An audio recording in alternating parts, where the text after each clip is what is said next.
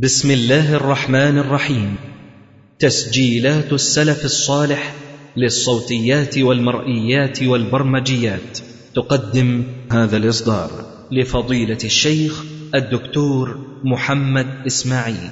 إن الحمد لله نحمده ونستعينه ونستغفره ونعوذ بالله من شرور أنفسنا ومن سيئات أعمالنا. من يهدي الله فهو المهتد ومن يضلل فلا هادي له.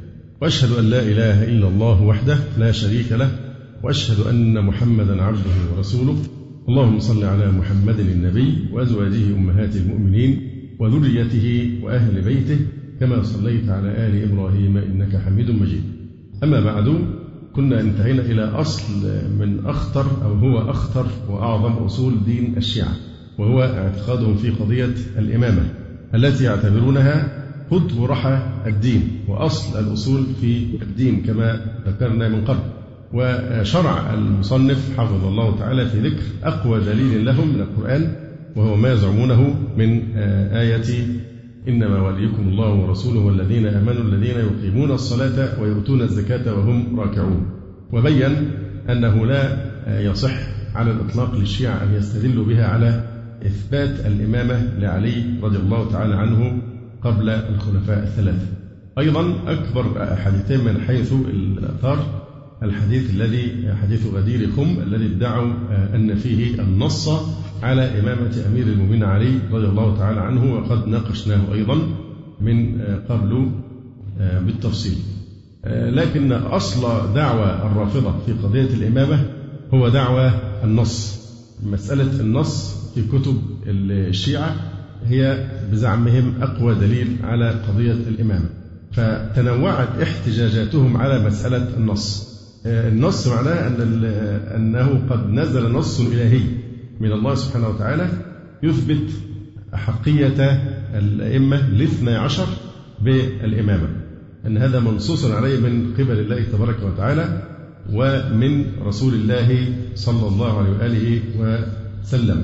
يقول أصل قول الرافضة هو دعوى النص وقد تنوعت احتجاجاتهم على مسألة النص فهي تارة يعني النصوص تارة كتب إلهية تنزل من السماء. يزعمون أن الكتب الإلهية نزلت غير القرآن الكريم من السماء تنص على الأئمة الاثنى عشر. فيها النص على علي رضي الله تعالى عنه والأئمة. لكن هذه الكتب يقولوا هي كانت موجودة لكنها اختفت منذ سنة 260 هجرية مع اختفاء المهدي المنتظر المزعوم مع مهديهم الذي لم يخلق أصلا. تارة أخرى هي نصوص صريحة في القرآن. يقولون في نصوص صريحة في القرآن تنص على الأئمة الاثني عشر. يعني كل شيء في نص ولكن نص ولكن. ففي كتب إلهية ولكن اختفت مع الإمام.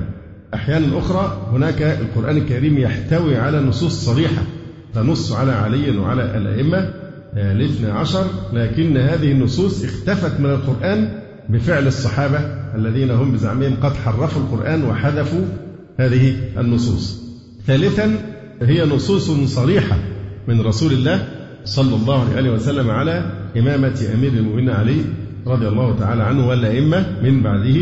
لكن الأمة أي الصحابة أجمعت على كتمانها. كل الصحابة أجمعوا على إخفاء هذه النصوص وكتمانها كأنهم جميعا تآمروا ضد علي والأئمة. وكان أول من أظهر القول بها كما في رجال الكشي وغيره عبد الله ابن سبأ اليهودي الذي أظهر الإسلام. فهو كان له فضل في نظرهم أنه أول من أظهر النصوص التي نص فيها النبي صلى الله عليه وسلم.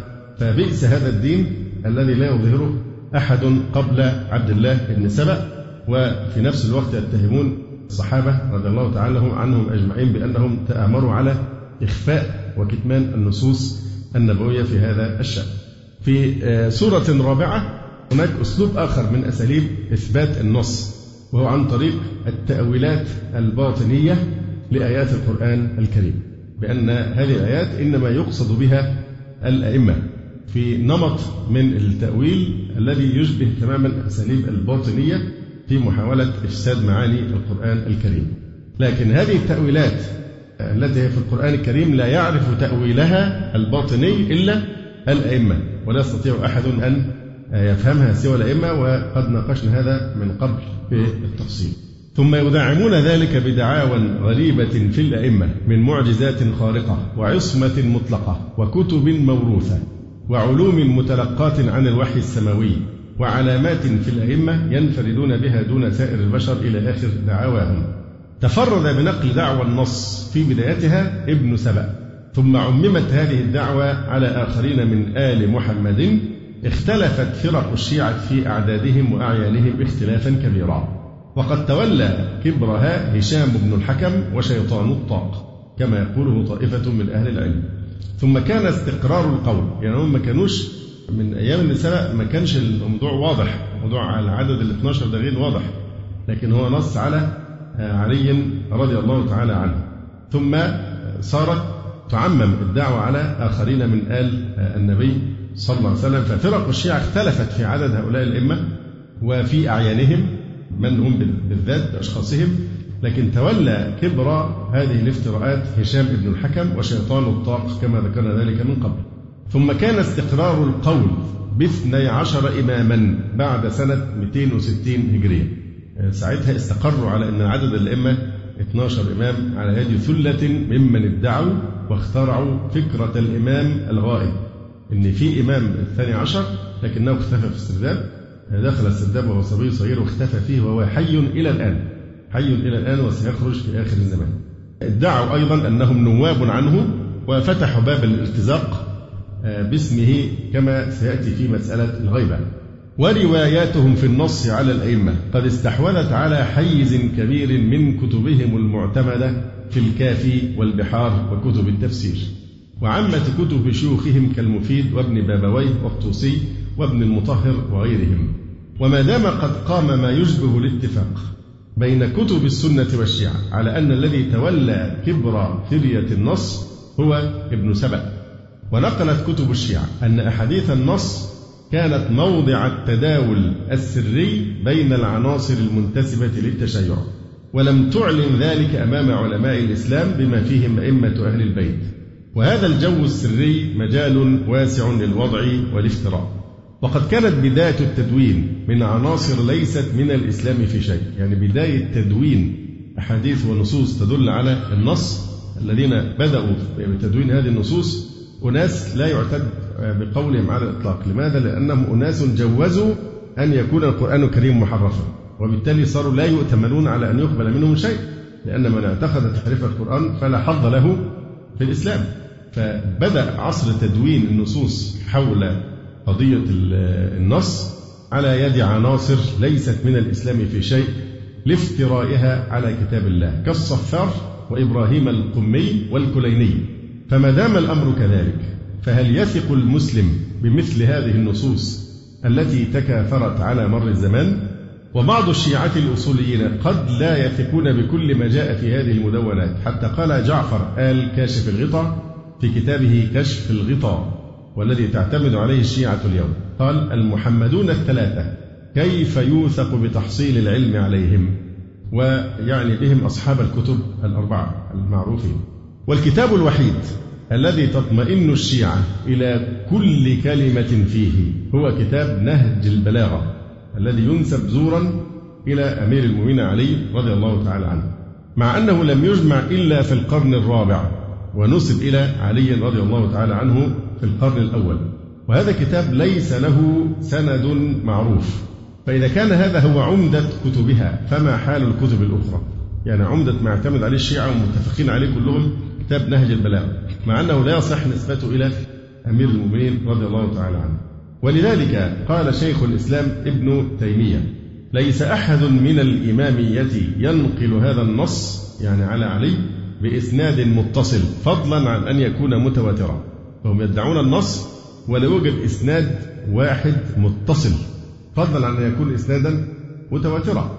إذا قال مثل هذه العبارة التي تدل على الاستقراء إنسان في حجم ووزن شيخ الإسلام تيمية فلا شك أنها كلمة لها قيمتها كما قال ابن الوردي في التدليل على سعة علم شيخ الإسلام تيمية وإلمامه بالسنة. قال كل حديث ليس يعرفه ابن تيمية فليس بحديث.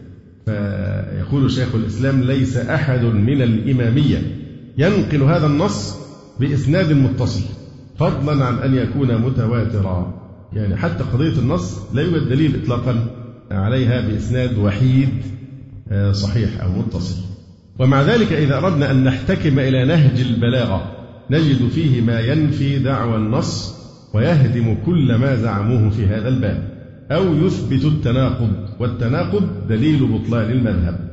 جاء في نهج البلاغة أن أمير المؤمنين عليا قال لما أراده الناس على البيعة. ودي من خصائص كتب الشيعة أن تجد فيها التناقض.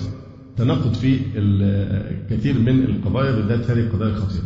فنفس نهج البلاغة الذي جميعهم يتفقون على أنه من كلام علي وهذا لا يثبت إطلاقا لكن مع ذلك على سبيل التنزل إذا أقررنا بأنه من كلام علي. ماذا قال علي في قضية الإمامة؟ نجد في نهج البلاغة ما يهدم عقيدتهم في قضية النص.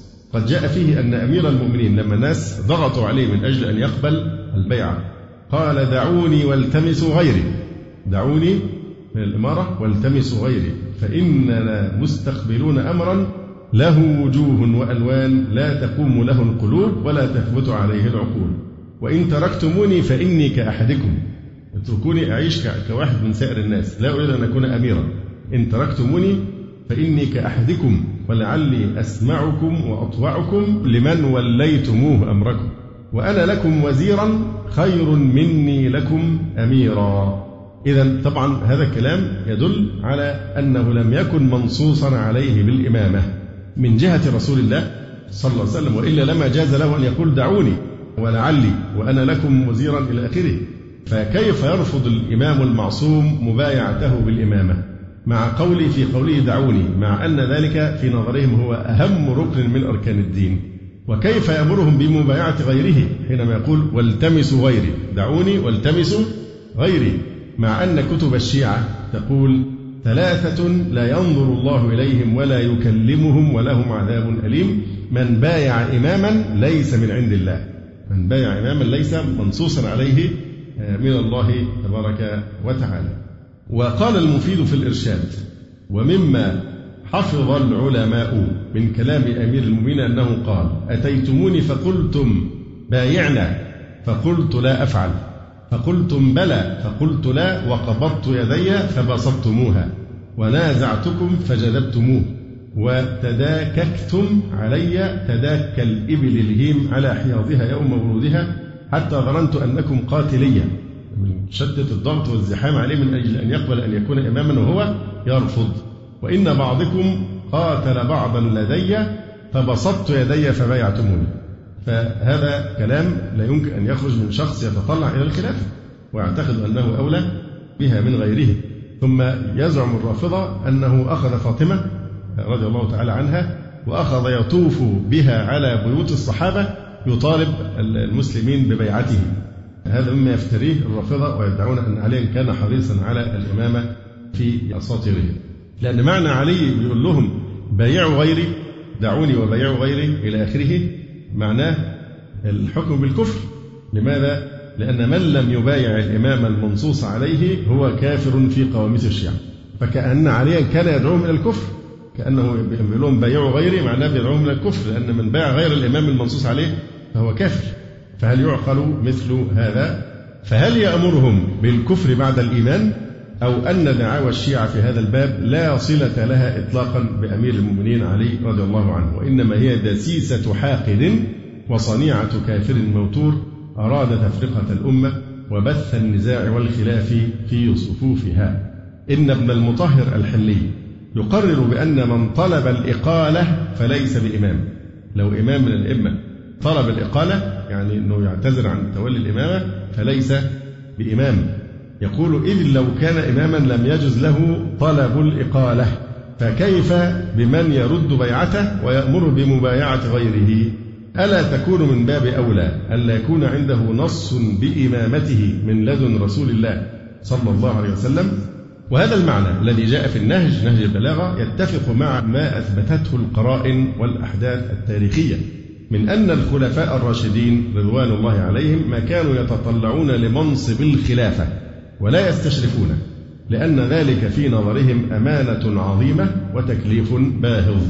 يقول وقد اتفق أهل السنة والشيعة على أن عليا هذا في منهج السنة يقول شيخ الإسلام. وقد اتفق أهل السنة والشيعة على أن عليا لم يدعو إلى مبايعته في خلافة أبي بكر وعمر وعثمان ولا بايعه على ذلك أحد. هذا أمر متفق عليه بين السنة والشيعة أنه في خلافة أبي بكر وعمر وعثمان رضي الله تعالى عنهم لم يدعو إطلاقا إلى مبايعته إطلاقا. ولا يوجد واحد من الصحابة بايعه في زمن الخلفاء الثلاثة. ولكن الشيعة تفسر ذلك بتفسير لا يليق بمقام أمير المؤمنين. إذ تعتقد أنه كان يريد ذلك كان عايز يبقى هو الإمام وحريصا على ذلك وكان يريد من الناس أن يبايعوه وتعتقد أنه الإمام المستحق للإمامة دون غيره ولكن كان عاجزا عنه يعني أنه استعمل الإيه؟ التقية. فكيف يلوذ بالتقية؟ ويتخلى عن أعظم أمر من أمور الدين كما يراه هؤلاء. وهذا ما حدا بطائفة من الشيعة هناك بقى طائفة من الشيعة تسمى الكاملية. كفروا أمير المؤمنين رضي الله عنه لأنه في عهد الخلفاء الثلاثة لم يطالب ببيعته ويصرح بأنه هو الإمام الحق. ففي طائفة من الشيعة كفروه من أجل ذلك كامليا لتخليه عن المطالبة بهذا الأمر. وهذا لأن من وضع هذا الاعتقاد لا يقصد نصرة أمير المؤمنين ومشايعته وإنما يرمي إلى تفرقة الأمة والكيد لها. ولهذا كانت النتيجة لمقالته الحكم بالضلال على جميع الأمة بما فيهم أمير المؤمنين علي رضي الله تعالى عنه. ثم قرر أمير المؤمنين كما يذكر صاحب النهج نهج البلاغة بيقول ولعلي أسمعكم وأطوعكم لمن وليتموه أمركم فبأنه رضي الله عنه سيكون أكثر سمعا وطاعة لمن ولاه المسلمون واختاروه خليفة. وهذا ينقض دعوى التقية في مبايعته لمن سبقه وطاعته لهم رضي الله عنه. إذ إن من يتعامل معهم بالتقية لا يكون كأحد المسلمين المبايعين فضلا عن أن يكون أكثرهم سمعا وطاعة قوله لمن وليتموه يقتضي أن أمر الولاية يعود إلى رأي جمهور المسلمين واتفاقهم لا إلى نص مزعوم كما لا ينحصر في شخص معلوم. فهذا ينقض مبدأ؟ النص من الأساس. ثم يدفع أمر مبايعته مرة أخرى وبطريق آخر في قوله وأنا لكم وزيرا خير مني لكم أميرا. وهذا أيضا ينفي ما نسب الروافض إليه رضي الله عنه من التفاخر بالفضائل والتظاهر بالخوارق والمعجزات والطعن في الخلفاء السابقين للاحتجاج على أحقيته بالإمامة. أيضا في نص آخر يشير أمير المؤمنين في نهج البلاغة إلى أن قبوله للخلافة. لا عن رغبة بها ولا تطلع إليها ولكنه استجابة لحمل المسلمين له على ذلك. ولم يدعي نصا ولا وصية. فهو يقول رضي الله عنه والله ما كانت لي في الخلافة رغبة ولا في الولاية إربة. يعني غرض وطلبة ولكنكم دعوتموني إليها وحملتموني عليها.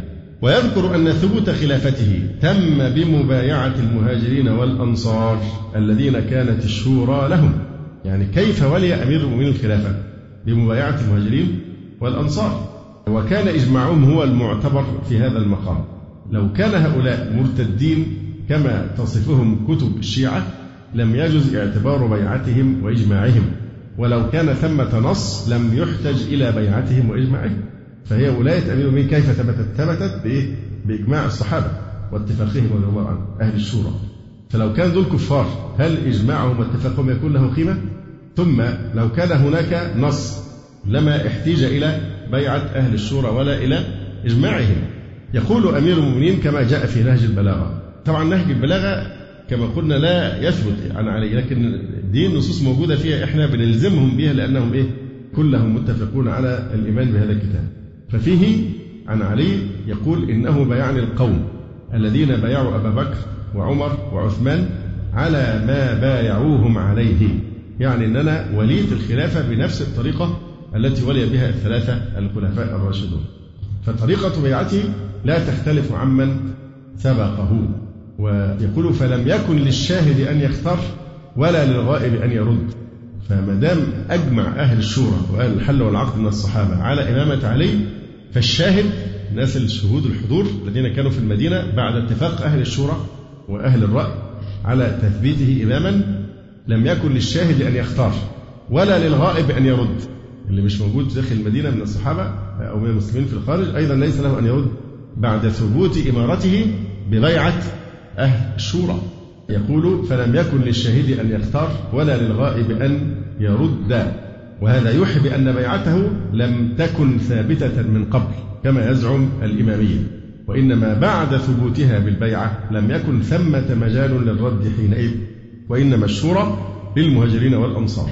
فإن اجتمعوا على رجل وسموه إماما كان ذلك رضا فإجماعهم هو الأصل في الاختيار وليس النص فيش نص. لكن هو ثبتت البيعة بالإيه؟ بالإجماع. فإن خرج عن أمرهم خارج بطعن أو بدعة ردوه إلى ما خرج منه فإن أبى قاتلوه على اتباعه غير سبيل المؤمنين وولوه ما تولى. هذا نص صريح أيضا موجود في نهج البلاغة في عدم وجود نص. فالشورى في أمر الإمامة هي للمهاجرين والأنصار ومن أجمعوا عليه هو الإمام ومن خرج عن ذلك وجب قتاله لاتباعه غير سبيل المؤمنين. ولو كان هناك نص في الإمام لم يقل علي رضي الله عنه ذلك.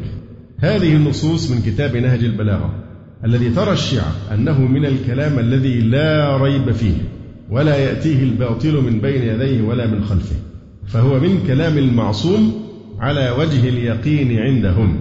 ولا يشك الشيعة في كلمة منه وهي تهدم كل ما بنوه من دعاوى حول النص على علي والأئمة.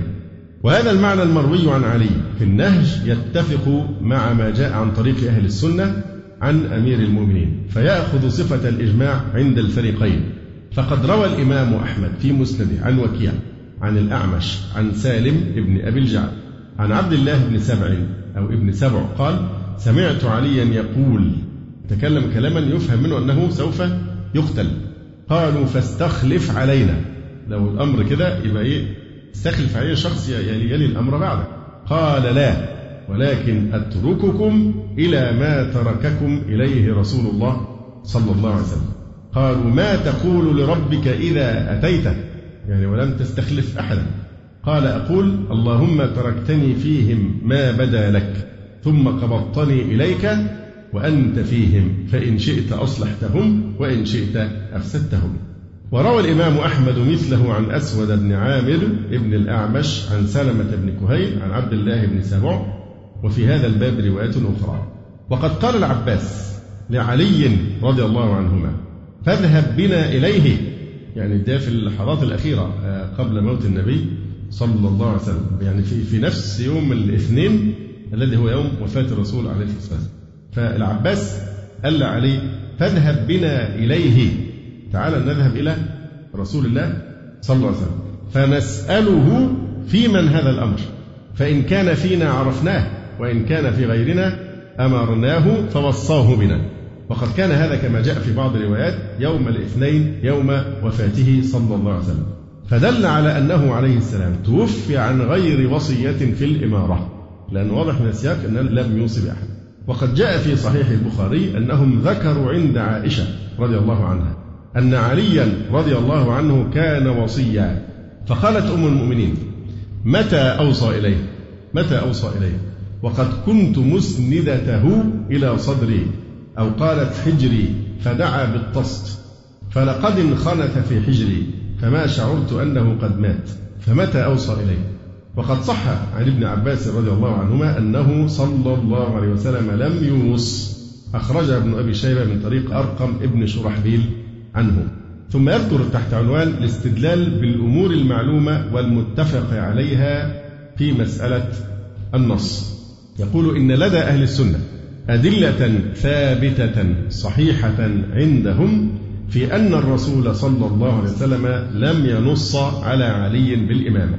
وما تنسبه الشيعة من نصوص لأهل السنة هي باطلة في أصلها أو في دلالتها ولا حجة فيها عليهم. ولدى الشيعة أدلتهم في ثبوت النص سجلوها في كتبهم الخاصة بهم وأهل السنة لا يؤمنون بها ويرون أنها وضعت على الأئمة من قبل بعض الروافض. وما في كتب الشيعة من أدلة تنقض ما ادعوه في هذا الباب كما في نهج البلاغة وغيره. ففي نصوص في كتبهم تنقض موضوع النص. فماذا يفعلون؟ يلجؤون في ردها إلى التأويل أو إلى دعوة تقية يقولوا أيوة قال عليه ذلك ولكنه قالها تقية فليرجع في الحكم في هذه المسألة التي هي أصل الأصول عند الشيعة إلى الأمور المعلومة والمتواترة والمتفق عليها. حقيقة هو هنا بيتناول هذا الفصل بذكاء عالي جدا. يعني هو بيقول أهل السنة عندهم أدلة ثابتة وصحيحة في أن الرسول صلى الله عليه وآله وسلم لم ينص على علي بالإمام. والنصوص التي يدعي الشيعة أنها نصوص لأهل السنة تثبت النص هي باطلة أصلا في أصلها حتى ولو صحت فإنها لا حجة لهم فيها. كذلك الشيعة عندهم أدلتهم الخاصة في ثبوت النص في كتبهم الخاصة ونحن أهل السنة لا نؤمن بها لأننا نرى أنها إيه؟ موضوعة من بعض الروافض. وفي نفس الوقت ما في كتب الشيعة متناقض هناك أشياء تثبت في زعمهم ثم هناك ما يبطلها كما ذكرنا بعض النقول من نهج البلاغة. طيب يبقى إيه الحل؟ هو هنا بيتخلص من هذا الخلاف كنوع من الإلزام للرافضة هو الانتصار للحق في هذه المسألة بيقول نسيب الحاجات المختلف عليها لا أدلة السنة ولا أدلة الإيه؟ الشيعة. ولنأتي إلى الأشياء التي يتفق عليها الجميع الشيعة والسنة. فهي طريقة في الاستدلال الحقيقة يعني ذكية آه، جدا. يقول فليرجع في الحكم في هذه المسألة مسألة خطيرة هي أصل أصول الدين عند الشيعة. إلى الأمور المعلومة والمتواترة والمتفق عليها. يقول نقدر كما يقول شيخ الإسلام أن الأخبار المتنازع فيها لم توجد. يعني في أخبار عندنا أهل السنة الشيعة ينازعون فيها ونحن أهل السنة ننازع في الأخبار التي عند الشيعة في مسألة النص. فنقدر أن هذه النصوص لم توجد في الوجود أصلا ما حدش سمع بها نلغيها وننحيها جانبا. نقدر أن الأخبار المتنازع فيها لم توجد أو لم يعلم أيها الصحيح. ونترك الاستدلال بها في الطرفين. ونرجع إلى ما هو معلوم بغير ذلك من التواتر. خلينا بقى في النصوص الإيه؟ المتواترة التي يقطع بإيه؟ بصحتها. وما يعلم من العقول والعادات وما دلت عليه النصوص المتفق عليها. لا شك أن هذه خطة رشد وكلمة سواء. يقول شيخ الإسلام ابن تيمية رحمه الله تعالى إن أهل العلم يعلمون بالاضطرار أن النبي صلى الله عليه وسلم لم يبلغ شيئا من إمامة علي ولهم على هذا طرق كثيرة يثبتون بها هذا العلم. يقول الدكتور القفاري ونذكر في بالي جملة من هذه الأمور وهي تستحق مؤلفا خاصا. إيه بقى هي الأمور دي؟ الأمور المعلومة والمتواترة والمتفق عليها بين الشيعة وبين السنة. فدي طريقة في الاستدلال طيبة جدا مع إن إحنا بنمارس نوع من التنازل لأن أدلة أهل السنة قوية وصحيحة وعندهم أسانيد وكذا لكن مع ذلك نوع من التنزل مع إيه؟ مع الخصم لإقناعه آه، بالتي هي أحسن. فبيقول له عندنا أدلة وأنتم عندكم أدلة. نلغي الأدلة اللي إحنا بنتنازع فيها التي لا يسلم بعضنا لبعض فيها. ولنذهب إلى الأدلة التي نتفق عليها جميعا. يقول أولا لندع جانب الروايات المختلف فيها. ونحتكم إلى كتاب الله سبحانه من طريق فهمه من خلال اللغة العربية. فالله سبحانه وتعالى أنزل القرآن بلسان عربي مبين وقد اتفق أهل السنة والشيعة على حدود العربية واتفقوا على ما وضع لمفرداتها من المعاني. ومعنى هذا أن اللغة العربية يمكن أن تكون المرجع في الحكومة في هذا الأمر. المفروض إحنا نفهم القرآن بالأحاديث وبالنصوص. هو بيقول لا ما دمنا متنازعين في النصوص ننحيها جانبا. وخلينا نفهم القرآن بلغة العرب. ثم يقول فهل نجد في كتاب الله ذكرا للأئمة الاثني عشر بأسمائهم؟ كما ذكر الرسول الهدى صلى الله عليه وسلم باسمه ووصفه. وآمنوا بما نزل على محمد. وما محمد إلا رسول قد خلت من قبله الرسل. وهكذا. ذكر النبي صلى الله عليه وسلم منصوصا على اسمه الشريف وصفاته في القرآن الكريم وأنتم تقولون إن الإمام كالنبي ومنكر الإمام كمنكر النبي أو أعظم اللي يجحد الإمام أخطر وأسوأ ممن يجحد النبي لماذا؟ لأن يقولوا أن النبوة لطف إيه؟ خاص بمعنى أن النبي إذا مات ممكن يكون العالم خاليا من نبي لكن لا يجوز أن يكون العالم خاليا من إيه؟ من إمام فهذا لطف عام فمنكر اللطف العام أخطر وأسوأ من اللطف الإيه؟ الخاص. فمن ثم إذا كان الموضوع بهذه الخطورة كفر وإيمان ركن الدين الأعظم عندهم الإمامة ومن لا يؤمن بالأئمة الاثنى عشر كافر خالد في جهنم. هذا كلام ما في خلاف في, في أنه ثابت عند الرافضة هل نجد في كتاب الله ذكرا للأئمة الاثني عشر بأسمائهم؟ كما ذكر رسول الهدى صلى الله عليه وآله وسلم باسمه ووصفه. لأن الإمام عندهم كالنبي ومنكر الإمام كمنكر النبي أو أعظم. وهل نجد لإمامة الاثني عشر ذكرا صريحا في كتاب الله كما ذكرت أركان الإسلام صريحة واضحة في مواضع متفرقة من كتاب الله من غير حاجة في معرفة أصلها إلى تأويل باطني أو روايات موضوعة؟ والإمامة عندهم أعظم أركان الإسلام. رأينا القرآن ينص صراحة على ركنية الصلاة والزكاة والصيام والحج. فكيف تكون الإمامة ركن الدين الأعظم ويخلو القرآن تماما منها؟ لا يوجد فيها أي إشارة من قريب أو بعيد لمسألة الإمامة كما يعتقدها الرافضة. فكيف لا تذكر ولا يشار إليها؟ هو هنا طبعا هو عامل قيد جميل جدا. بيقول إيه؟ ذكرت أركان الإسلام صريحة واضحة في مواضع متفرقة من كتاب الله. انتبهوا بيقول من غير حاجة في معرفة أصلها إلى تأويل باطني أو روايات الموضوع. فبنفس الدرجة هاتلنا نصوص صريحة على هذا الركن الأعظم اللي هو الإمامة لكن من غير ما إيه تلجأوا إلى التأويل الباطني ولا إلى الروايات الإيه الموضوع لأن هذا شأن إيه؟ ما هو أقل شأنا من الإمامة كالصلاة والزكاة والحج والصيام. ما احتاجناش عشان نفهمها إن إحنا نخترع أحاديث موضوعة ولا إلى أن نلجأ إلى تأويل باطني بخلاف سلوك الرافضة حينما يقولون لا القرآن موجودة في نصوص تنص على امامه الاثني عشر. وإذا بهم يلجؤون إلى الروايات المختلقة الموضوعة المكذوبة أو إلى تأويل الباطني. فبيقول لهم يعني استدلوا بالقرآن لكن اوعوا تستعملوا هذا الدجل من الروايات المصنوعة الموضوعه ولا التأويلات الباطنية الملحدة. يقول فكيف لا تذكر الإمامة ولا يشار إليها؟ أليس هذا دليلا على أن مزاعم الإمامية في هذا الباب لا أصل لها وحينئذ لا بد من رفض هذه المزاعم لمناقضتها لكتاب الله تعالى. أشار شيخ الإسلام ابن تيمية في مناقشته لابن مطهر الحلي إلى هذا المنهج فقال فإن تركوا الرواية رأسا أمكن أن تترك الرواية. يعني ماشي مش عايزين أحاديث.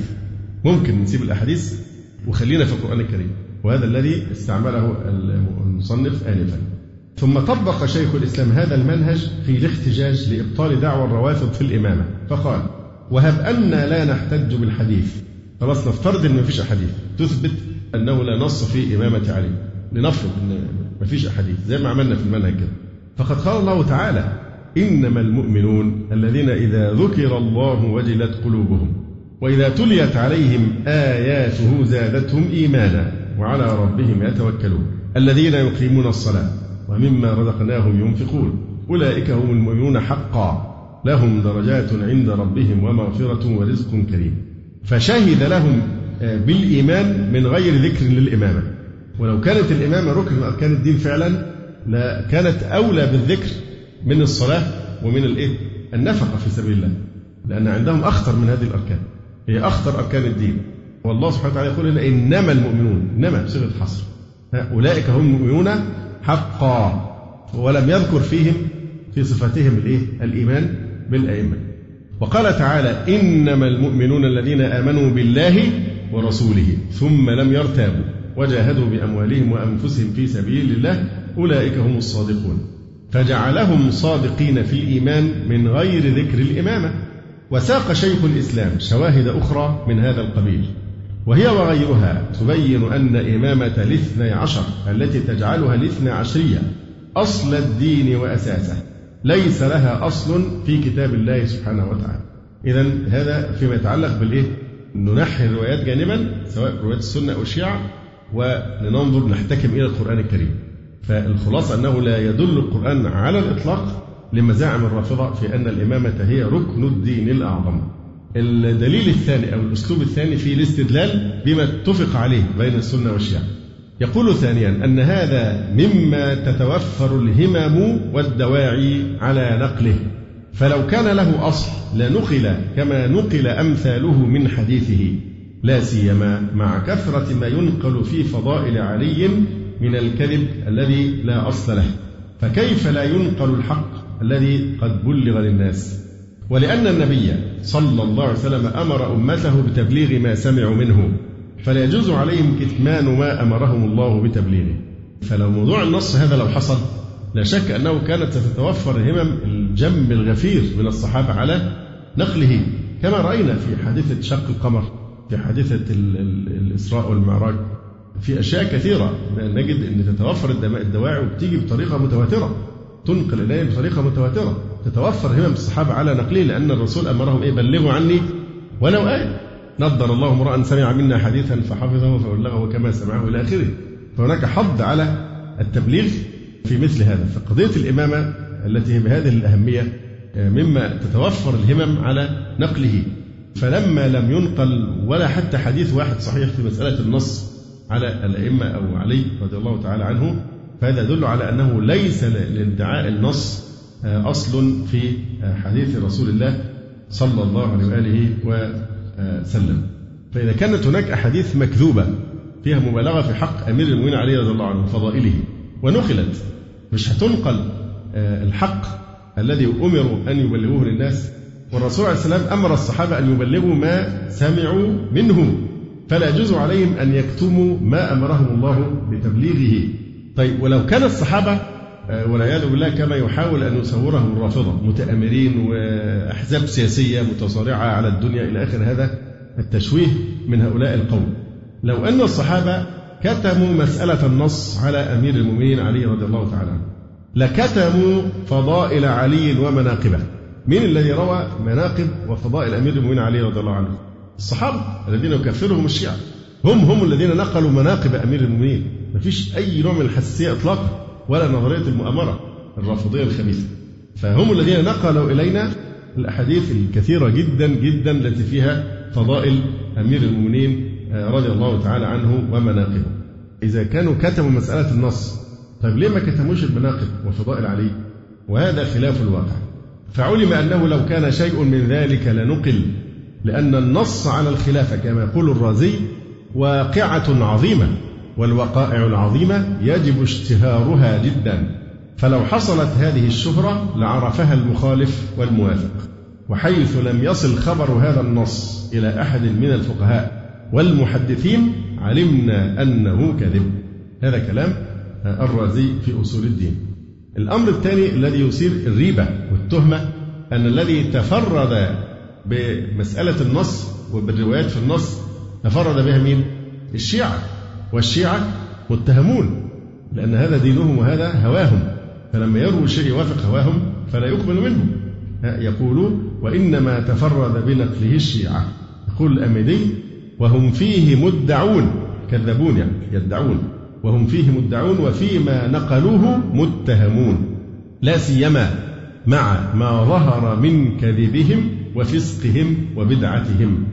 وسلوكهم طرق الضلال والبهت بادعاء المحال ومخالفة العقول وسب أصحاب الرسول صلى الله عليه وسلم.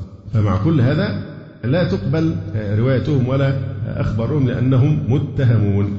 والصحابة رضوان الله عليهم نقلوا إلينا ما صدر عنه صلى الله عليه وسلم من قوله وفعله وأمره ونهيه وأكله وشربه وقعوده ونومه وسائر أحواله عليه الصلاة والسلام. فكيف يتصور أن ينص النبي صلى الله عليه وسلم على علي بالخلافة ولا ينقل ذلك بحال يعني كان نقلوا أدق الأشياء عن حياة الرسول عليه السلام دي مسألة خطيرة مثل قضية الإمامة. ويتفقون كلهم على أن يكتموا مسألة النص. هذا لا شك أنه أقبح وأسوأ الظن بخير أمة أخرجت للناس رضي الله تعالى عنهم أجمعين. يقول الحافظ ابن حزم رحمه الله وبرهان ضروري وهو أن رسول الله صلى الله عليه وسلم مات وجمهور الصحابة رضوان الله عليهم حاش من كان منهم في النواحي يعلم الناس الدين فما منهم أحد أشار إلى علي بكلمة يذكر فيها أن رسول الله صلى الله عليه وسلم نص عليه. ومن المحال الممتنع الذي لا يمكن البتة. اتفاق أكثر من عشرين ألف إنسان. أكثر من عشرين ألف صحابي كانوا موجودين بعد وفاة رسول الله صلى الله عليه وسلم. ومن المحال الممتنع الذي لا يمكن البتة اتفاق أكثر من عشرين ألف إنسان متنابل الهمم والنيات والأنساب على طي عهد عهده رسول الله صلى الله عليه وسلم إليهم وما وجدنا قط رواية عن أحد في النص المدعى. إلا رواية واهية عن مجهولين إلى مجهول يكنى أبا الحمراء. لا يعرف من هو في الخلق. ثالثا يبقى ده ثاني دليل من الأدلة اللي المفروض بيتفق عليها مين؟ الشيعة والسنة. إن هذا الحديث لو نقلت أكيد كانت تتوفر الهمم والدواعي على روايتها. فلما لم تنقل دل على أنها أنه لم يقع النص على أمير المؤمنين رضي الله تعالى عنه. ثالثا أن الإمامة من المفترضات التي تتعلق بها مصالح الناس كلهم. فإذا قيل فيها إن النبي صلى الله عليه وسلم نص على أحد بعينه والصحابة غيروا وبدلوا. لو قبلنا المبدأ وهي دعوة الرافضة أن الرسول عليه السلام نص على علي والصحابة بقى كلهم أكثر من عشرين ألف صحابي تواطؤوا وتآمروا والعياذ بالله على أن يكتموا هذا النص ويخفوه. إيه معنى هذا الكلام؟ معناه خطير للغاية. دي دعوة. واحد بيدعي دعوة. وللكاذب يعني ما يرضعه عن الكذب إذا كان لا يتقي الله. فاللي كذب وقال إن الرسول عليه السلام نص على علي وإن العشرين ألف أو أكثر من ألف صحابي كلهم تواطؤوا وتآمروا على أن يكتموا هذا النص.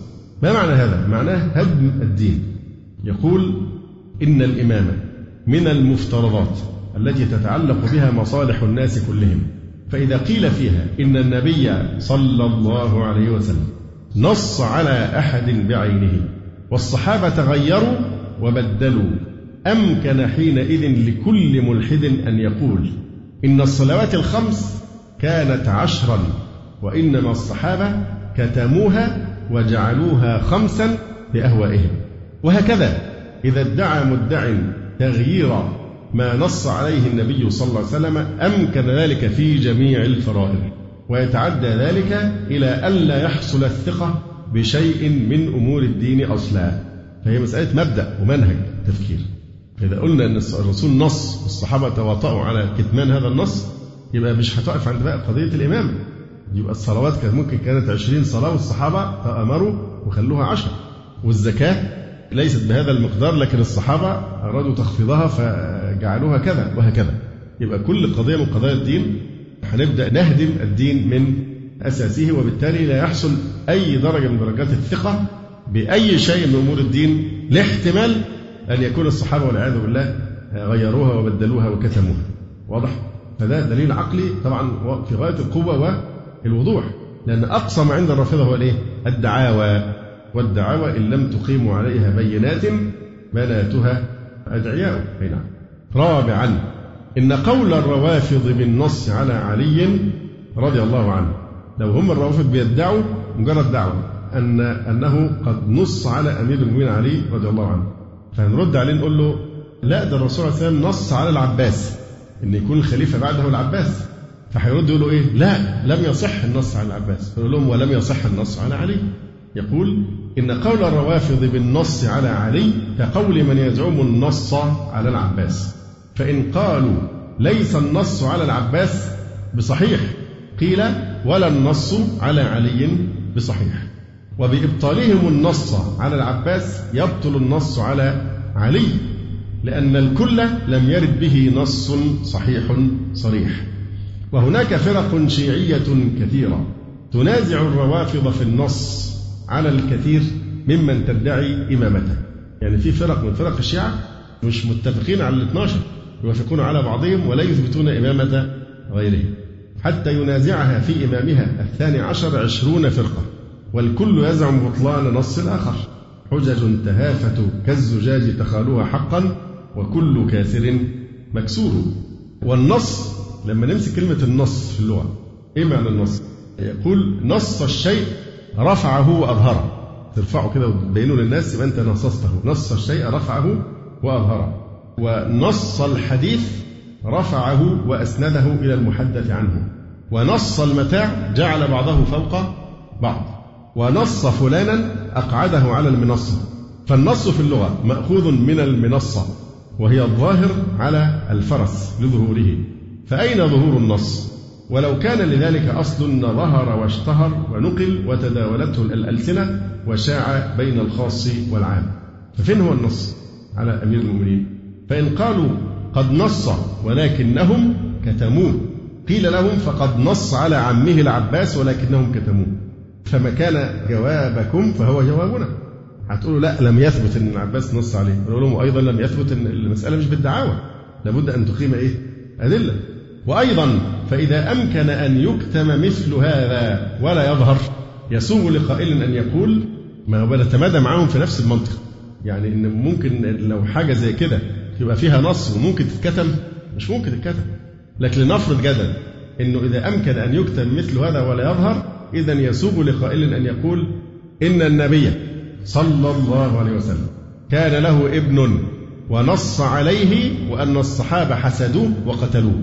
فما دامت المساله بالدعاوى. واحد تاني يقول إن الرسول صلى الله عليه مات عن ابن كبير وإنه نص على إن ابنه ده هو اللي يكون خليفة من بعده لكن الصحابة والعياذ بالله وحاشاهم تآمروا عليه وحسدوه وقتلوه. ما هي دعاوى بقى؟ اللي يمنع إن أي واحد يدعي أي دعوة؟ وما أشبه هذه الدعاوى الفاسدة التي لا يصير إليها عاقل. خامسا أن رأينا أبا بكر حيث نص على عمر ما اختلف عليه اثنان. حينما نص أبو بكر على أمير المؤمنين عمر أن يكون خليفة من بعده هل اختلف اثنان من الصحابة؟ ما اختلف على أمير بن عمر اثنان. ولا وقع في ذلك خفاء. كذلك حيث نص عمر على ستة أنفس من قريش ظهر ذلك عنهم ظهورا لا يسع جحده ولا يمكن رده. فإذا كان أبو بكر ولا شك أن أبو بكر هو أقل من رسول الله عليه السلام أبو بكر نص وظهر النص بتاعه ما حدش اختلف عليه. وعمر لما نص على ستة أنفس ظهر أيضا ذلك ظهورا لا يسع أحدا جحده ولا يمكن رده. ورسول الله صلى الله عليه وسلم أفضل. ومبادرة الخلق إلى امتثال أمره أكثر وتشوف النفوس إلى نقل ما صدر عنه أعظم. فمن المحال البين أن ينص أبو بكر على واحد ولا يقع خلاف في من استخلفه ولا أمكن أحدا أن يكتمه. وكذلك عمر بل أمير المؤمنين معاوية رضي الله عنه حيث نص على ابنه يزيد. اشتهر ذلك ونقل عنه اشتهارا ظاهرا متواترا لا نزاع فيه ولا مراء. فكيف نقل نص معاوية وكتم نص رسول الله صلى الله عليه وسلم وما نقله أحد؟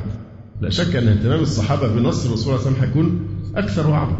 وهذا كله باعتراف الشيعة آه، الذين يقرون بأن مسألة الولاية وأحاديثها سر من أسرارهم. سادسا كيف يقبل المهاجرون والأنصار والمسلمون جميعا أمر أبي بكر في عمر حين استخلفه؟ ولم يختلف اثنان على إمامة عمر ولا يقبلون أمر رسول الله صلى الله عليه وسلم في علي. أيعقل؟ الذين قبلوا إشارة أبي بكر بتعيين عمر من بعده. قبلوها ولم يختلف اثنان فيه. بقى معقول هؤلاء الصحابة الأطهار يرفضون نص رسول الله صلى الله عليه وسلم في علي؟ فهل صار المسلمون أطوع لأبي بكر من رسول الله صلى الله عليه وسلم؟ يقول أبو بكر محمد بن حاتم بن زنجوي في كتابه إمامة أبي بكر الصديق. يقول كيف يحتمل عقل عاقل أو يشتبه على بر أو فاجر إلا من أراد الله فتنته؟ أن المهاجرين والأنصار وجميع التابعين لهم بإحسان. علموا أن رسول الله صلى الله عليه وسلم قد نص على علي بن أبي طالب وأمرهم أن يوالوه فعصوه وتركوا أمر رسول الله صلى الله عليه وسلم. وأمرهم أبو بكر أن يولوا عمر بن الخطاب فاتبعوه وأطاعوه. وأمرهم عمر بن الخطاب أن يولوا الستة فلم يخالفوه ولم يعصوه. يعني معنى كلامه أفيعقل أن يكون الرسول عليه السلام أمرهم بتولية علي ثم هم يعصون رسول الله صلى الله عليه وسلم. وكيف يتصور أن يقوم المسلمون بالصلاة والزكاة والصوم والحج والجهاد؟ وغيرها من فرائض الإسلام ويتركون فريضة واحدة تحبط عملهم كله وهي بيعة علي. طبعا في وجهة نظر الشيعة أن الإمامة الذي لا يبايع الإمام أو لا يؤمن بالإمام يكون كافرا خارج من الملة. فيعني كيف أن يقوم المسلمون بالصلاة والزكاة والصوم والحج والجهاد وغيرها من فرائض الإسلام ويتركوا فريضة واحدة تحبط عملهم كله وهي بيعة علي. وأي مصلحة لهم في مبايعة أبي بكر وترك مبايعة علي. تابعا.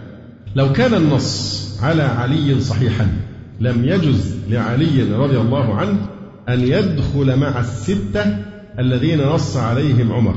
لأن عمر رضي الله عنه إيه؟ ترك الأمر في في كم في ستة أشخاص أن يختاروا واحدا منهم. طيب لو كان علي منصوصا عليه لاعترض وقال لا أنا ليه أتحط مع الخمسة دول؟ ده أنا منصوص علي فأنا أولى. فلم يقل علي ذلك.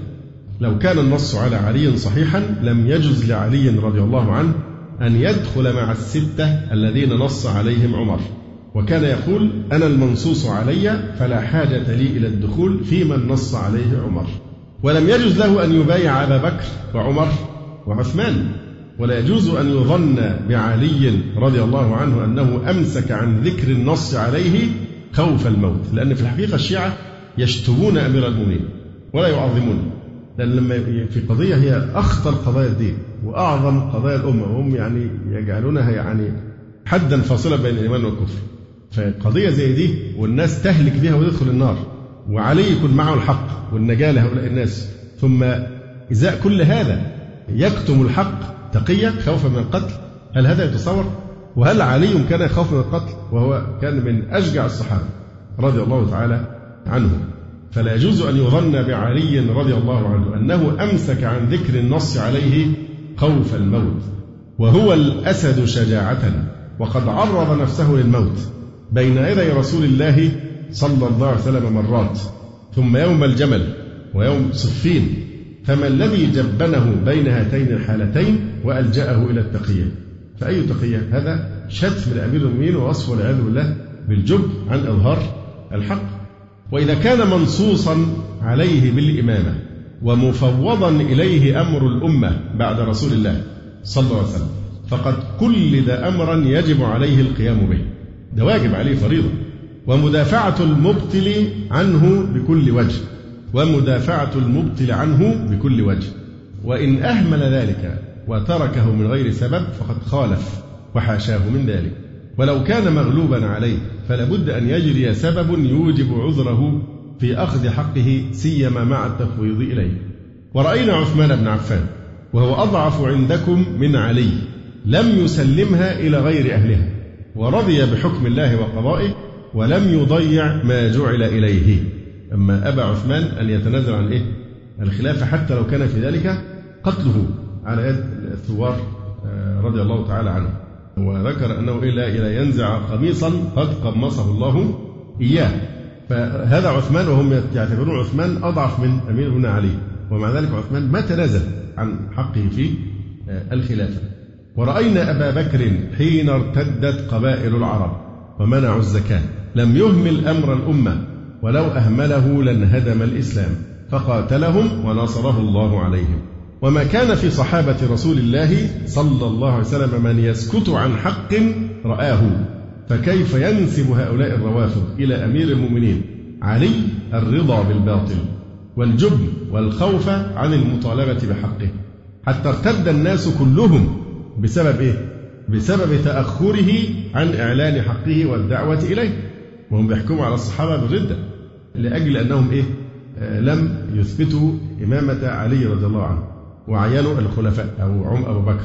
فشيء يترتب عليه أن معظم الأمة ترتد ما ثلاثة بسبب أن علي كتم الحق الذي عنده تقية لا شك أن هذا من أسوأ الظن بأمير المؤمنين رضي الله تعالى عنه. فكيف ينسب هؤلاء الروافض إلى أمير المؤمنين علي؟ الرضا بالباطل والجبن والخوف عن المطالبة بحقه. حتى ارتد الناس كلهم بسبب تأخره عن إعلان حقه والدعوة إليه. ولم يبق منهم إلا النزر اليسير كما يقولون وهو أي علي أسد الله وأسد رسوله صلى الله عليه وسلم. فكيف يجبن عن إظهار الحق خوف القتل أو تقية؟ بل لم ينقل أنه دعا إلى نفسه وجادل من أجل بيعته. فضلا عن القتال. ولو وقع ذلك لاشتهر وقد وقعت مناسبات مهمة وأحداث خطيرة توجب إظهار النص. كحادثة السقيفة. كان أولى في حادثة السقيفة بعد وفاة الرسول صلى الله عليه وسلم أن يقف عليه ويقول إيه؟ قد نص علي رسول الله عليه الصلاة والسلام ويثبت ذلك وتنتهي القضية. لكنه ما تكلم في حادثة السقيفة. كذلك حادثة الشورى. اللي هو لما عمر جعل الخلافة في إيه؟ في ستة. رشحه بذلك. كان ممكن عليه في هذا الوقت كان يجب عليه أن يقف ويقول لا لا ينبغي أن تكون هناك اختيار بين الستة لأنني أنا المنصوص عليه ومع ذلك لم يفعل. فلم يفعل شيئا من ذلك بل إنه دعا أصحابه إلى بيعته كما تقر الرافضة ولم يدعي نصا كما نقلنا ذلك عن نهج البلاغة. وقد ذكر شيخ الإسلام بأن من الطرق التي نعلم منها بالاضطرار أن النبي صلى الله عليه وسلم لم يبلغ شيئا من إمامة علي. أن النبي صلى الله عليه وسلم لما مات وطلب بعض الأنصار أن يكون منهم أمير ومن المهاجرين أمير. وهذا طبعا أمر يقر به الشيعة أن بعض الصحابة الأنصار قالوا إيه منا أمير ومنكم أمير. واحد أمير من المهاجرين وأمير من الإيه؟ من الأنصار. فأنكروا ذلك عليه وقالوا الإمارة لا تكون إلا في قريش. وروى الصحابة في متفرقة الأحاديث عن النبي صلى الله عليه وسلم أن الإمامة في قريش. ولم يروي واحد منهم. لا في ذلك المجلس ولا غيره ما يدل على إمامة علي. يعني لابد أن يكون الخليفة قرشيا كما يعني في الحديث الناس تبع لقريش. في لفظ آخر لا يزال هذا الأمر في قريش ما بقي من الناس اثنان. لو كان في تخصيص بعلي لكان هذا هو وقت إيه؟ إظهار هذه الروايات. ولم يروي واحد منهم لا في ذلك المجلس ولا غيره ما يدل على إمامة علي.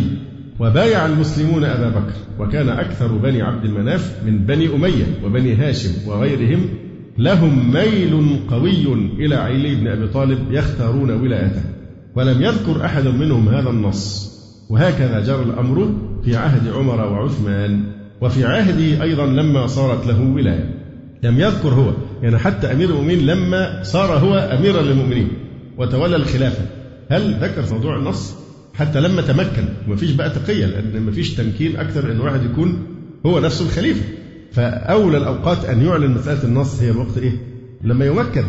ولم يذكر إطلاقا عليه لما مكن من الخلافة وصار أمير المؤمنين موضوع النص على الإطلاق. يقول لم يذكر هو ولا أحد من أهل بيته ولا من الصحابة المعروفين هذا النص. ولو كان للنص وجود ما حصل الاختلاف في عهده إذ لم تتفق الأمة فيه لا عليه ولا على غيره. وقد جرى تحكيم الحكمين ومعه أكثر الناس فلم يكن في المسلمين من أصحابه فضلا عن غيرهم من احتج في مثل هذا المقام الذي تتوفر فيه الهمم والدواعي على إظهاره.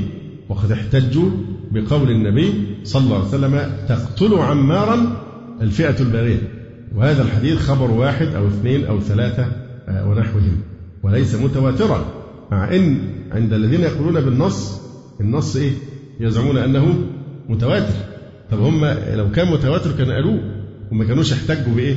تقتل عمارا الفئة الباغية مع أنه حديث آحاد أو مشهور وليس متواترا. فإذا كان في نص متواتر بالفعل كان أولى أن يحتجوا به.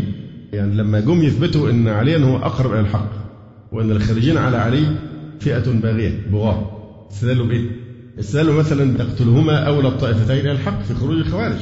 استنباط من الحديث أو استدلوا بهذا الحديث ويح عمار تقتله الفئة الباغية وهم الجيش الذي كان يقاتل أمير المؤمنين علي رضي الله تعالى عنه فعشان يثبتوا إمامة علي احتاجوا لحديث إيه؟ أحاد أو حديث مشهور والجماعة اللي بيدعوا النص بيقولوا إن هي النصوص إيه؟ الرافضة بيدعوا إنها نصوص متواترة طيب ما كان الصحابة ساعتها بقى يستدلوا بالأقوى ولا يستدلون بالإيه؟ بالأضعف يقول وليس هذا متواترا والنص عند القائلين به متواتر. فيا لله العجب كيف ساغ عند الناس احتجاج شيعة علي بذلك الحديث ولم يحتج أحد منهم بالنص؟ فشيعة علي عشان يثبتوا أنه كان على الحق استدلوا بإيه؟ تقتل عمارا الفئة الباغية. ولو كان في نص كان أولى أن يستدلوا على أنه إمام حق بالنص فدل على أنه لم يكن موجودا وإلا لاحتج به أنصار علي رضي الله تعالى عنه. أما دعوى النص على إمامة الاثنى عشر وأن الرسول صلى الله عليه وسلم نص على ذلك فهي أعظم استحالة وأوضح بطلانا وأظهر كذبا. فلم ينقله إلا الاثنى عشرية. موضوع أن الرسول صلى الله عليه وسلم نص على 12 إمام بأساميهم كده من واحد ل 12 طبعا هذا يعني من أفرى الفرع وأكذب الكذب. واللي بيدعيه فقط هم فئة الإيه؟ الاثنى عشرية وسائر فرق الشيعة تكذبها. وهم فرقة من نحو سبعين فرقة من طوائف الشيعة. والنصوص التي ينقلها الاثنى عشرية تعارضها نصوص القائلين بإمامة غير الاثنى عشر من فرق الشيعة البالغة الكثرة. فإن كل طائفة تدعي من النص غير ما تدعيه الاثنى عشرية. وهذه الدعوة لم تظهر إلا بعد موت النبي صلى الله عليه وسلم بأكثر من 250 سنة فهو من اختلاق متأخر الشيعة ومن قبلهم يخالفهم في ذلك. لأن كما تعلمون أن الفرق دائما نستطيع أن نحدد لها بداية زمنية. فرق الضالة نستطيع أن نحدد لها زمان معين ظهرت فيه ولم تكن موجودة من قبل. فمنها الشيعة أن هذه فرقة متأخرة في ظهورها. فكيف تكون على الإسلام الحق؟ وتذكرون القصة قصة أحد العلماء الأذكياء والحمد لله كل علمائنا أذكياء. لما كان في موعد لمناظرة الروافض أمام الحاكم أو الأمير فحضر علماء الشيعة وهو تأخر قليلا علم علماء السنة. فجاء متأخر ودخل والجميع طبعا خلع حذاءه عند الباب. هو ده بقى خلع الحذاء ومسكه بحرص شديد كده أمام الناس ودخل بيه الاجتماع. فقالوا له لما كل الناس خلعت الحذاء في الخارج اشمعنى أنت ماسك النعال كده والنعل بتاعك وخايف عليه قوي؟ فقال لهم لأنه بلغني أن الشيعة كانوا على عهد رسول الله صلى الله عليه وسلم كانوا يسرقون الأحذية. فرد واحد من الشيعة قال لم يكن هناك شيعة على عهد رسول الله صلى الله عليه وسلم. فرد بهذا أن يستخرج منه الاعتراف بأنهم فئة طارئة على الحق وهو منهج يعني أهل السنة والجماعة. أهل السنة والجماعة ليسوا فرقة. الناس الجهلة اللي بيتكلموا عن أهل السنة على أنها طائفة هذا من أجل الجهل. أهل السنة ليسوا طائفة يقول لك خلافات الطائفية. فأهل السنة والجماعة هي كلمة الإسلام لكن في أنقى صورها. مش بتعرضش الإسلام زي ما اتكلمنا قبل كده إن هذا عموم وخصوص. زي ما تقول أنا آه، مصري سكندري. دي طائفية بتعرف نفسك إن الوصف ده أخص من هذا. فمسلم أعم من سني أو من أهل السنة والجماعة. أهل السنة والجماعة كما يقول شيخ الإسلام هم نقاوة أهل الإسلام. أفضل صورة من صور صور الإسلام لأن كما تعرفون الدائرة كبيرة في داخلها 72 فرقة كلها في النار إلا واحدة وهي من كان على مثل ما أنا عليه اليوم وأصحابي. فإذا الناس بتتصور أن موضوع أي وقت يذكر في كلمة أهل السنة في مقابلة الرافضة مثلا أو غيرها من الفرق الضالة أن دي فرقة من الفرق يعني طائفة كده وخلاص. وأن يا جماعة ما تفترقوش وتقعدوا تقولوا سنة وشيعة. وأحد الضلال من الرافضة ألف كتاب مسميه إيه؟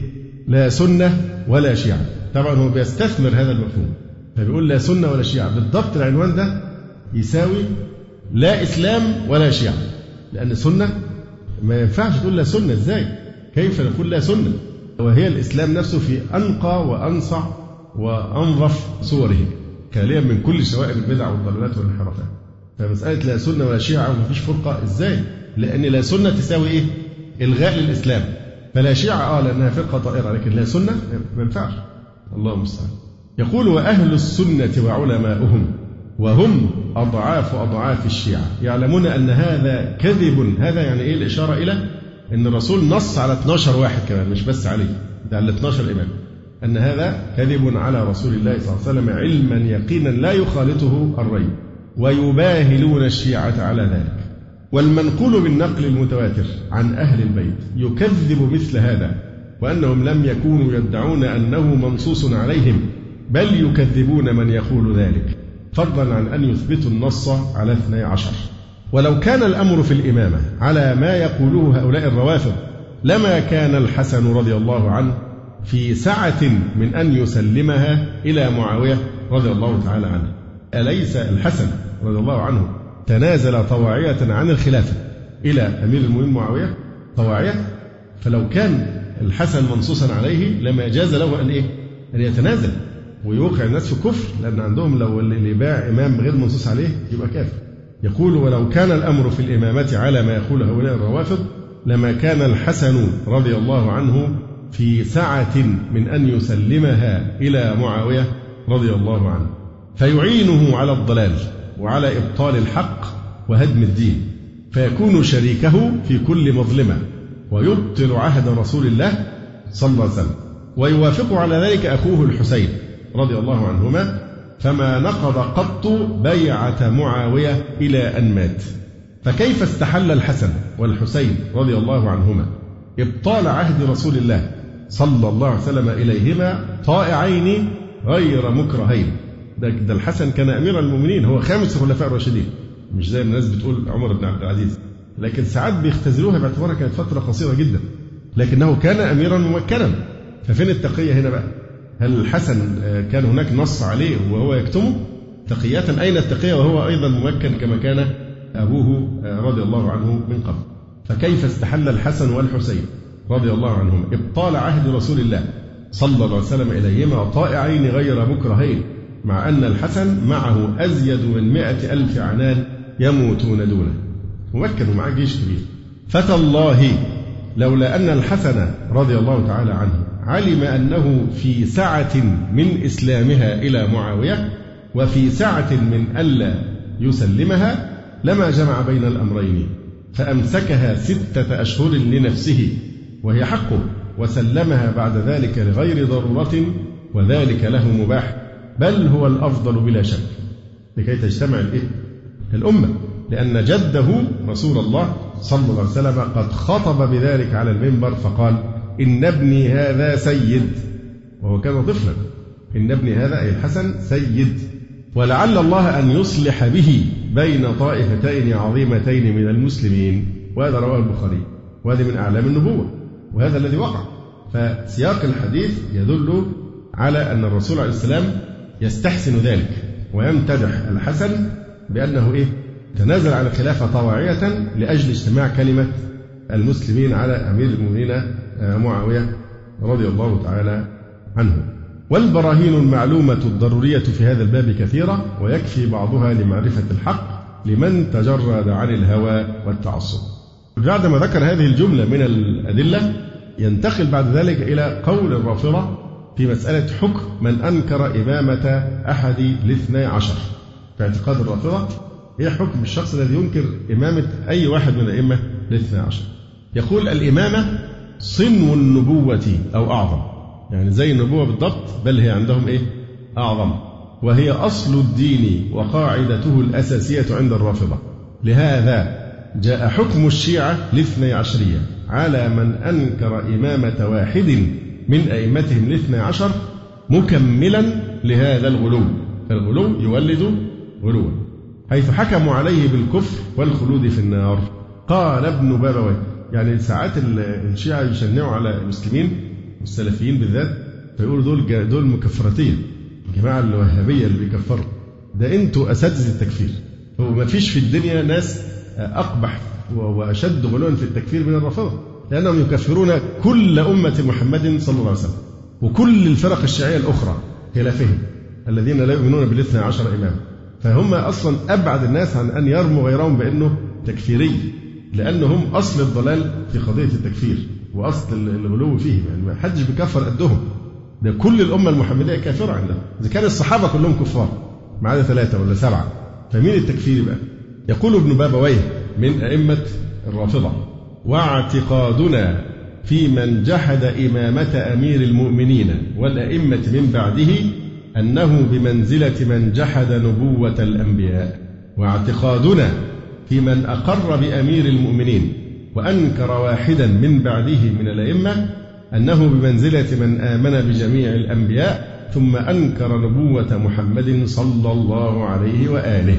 انتهى كلام ابن بابوي هذا النص. يقتضي أن الاثني عشرية تكفر كل فرق المسلمين حتى فرق الشيعة التي وجدت على مدار التاريخ. طبعا المقصود فرق الشيعة التي لم تقر بإيه؟ بكل الاثني عشر.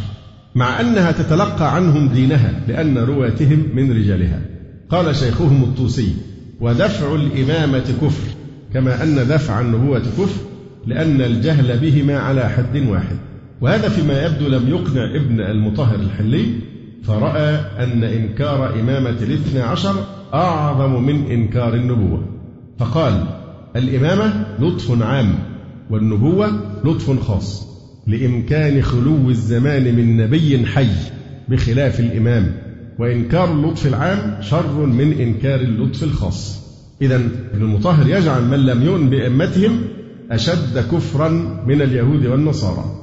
وقد بنى ذلك على أن الزمان لا يخلو من إمام وهو إشارة إلى عقيدتهم بالإيمان بوجود إمامهم المنتظر الغائب والذي أنكره طوائف من الشيعة. وقرر المحققون من علماء الناس والتاريخ أنه لم يولد أصلا ولكن شيخ الشيعة يرى أن إنكاره أعظم الكفر.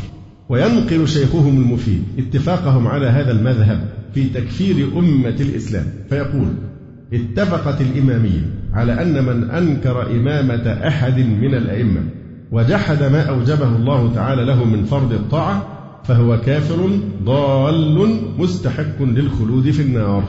ده باتفاق الإيه؟ الإمامية. وبلغ الأمر بشيخهم نعمة الله الجزائري أن يعلن انفصال الشيعة عن المسلمين بسبب قضية الإمام. انظروا إلى ما يقوله نعمة الله الجزائري في الأنوار النعمانية. انتبهوا جدا لهذا التصريح. يقول على أهل السنة أو أهل الإسلام يقول لم نجتمع معهم على إله ولا نبي ولا على إمام. وذلك أنهم يقولون إن ربهم هو الذي كان محمد صلى الله عليه وسلم نبيه وخليفته بعده أبو بكر. ونحن لا نقول بهذا الرب ولا بذلك النبي بل نقول إن الرب الذي خليفة نبيه أبو بكر ليس ربنا ولا ذلك النبي نبينا. ونقول له صدقت.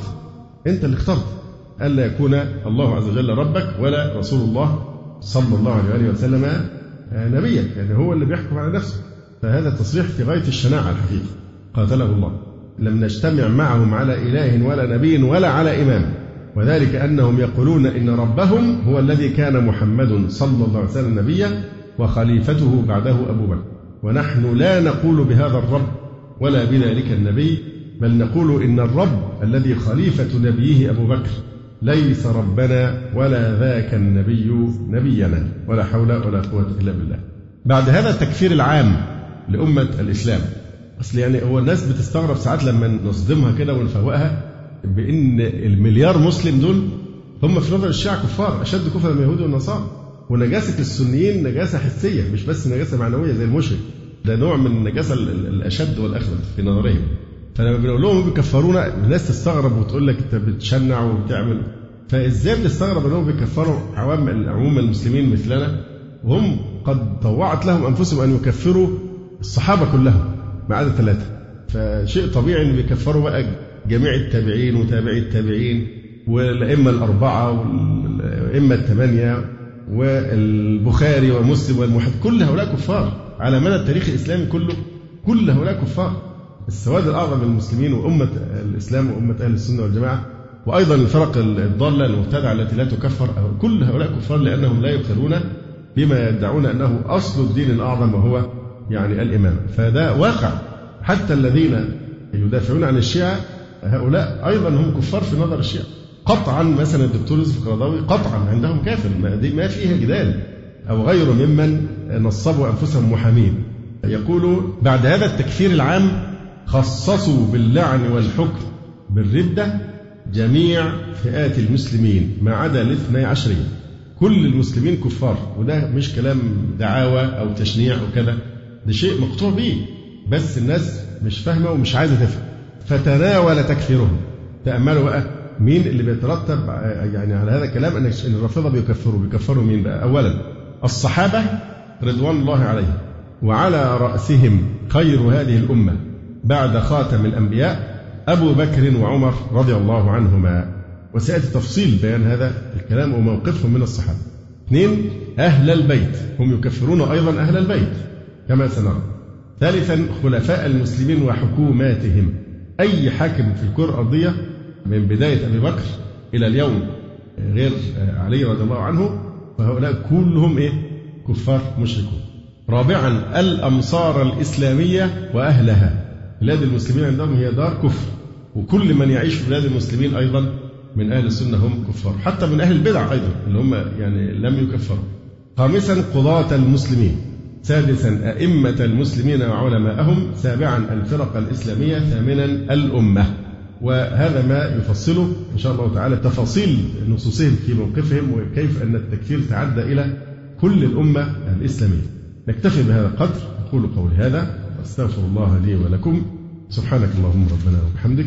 أشهد أن لا إله إلا أنت. أستغفرك وأتوب إليك. جزى الله فضيلة الشيخ خير الجزاء. ونسأل الله جل وعلا أن يرفع مكانة الشيخ في المهديين وأن يجعله علما من أعلام الهدى والدين. ولا تنسونا وتنسوا الشيخ من دعوة صادقة بظهر الغيب. وتقبلوا تحيات إخوانكم في تسجيلات السلف الصالح بالإسكندرية. هاتف رقم صفر ثلاثة فاصل أربعة تسعة أربعة سبعة ستة خمسة اثنان. والتليفون محمول صفر عشرة واحد ستة أربعة واحد تسعة ثمانية صفر والسلام عليكم ورحمة الله وبركاته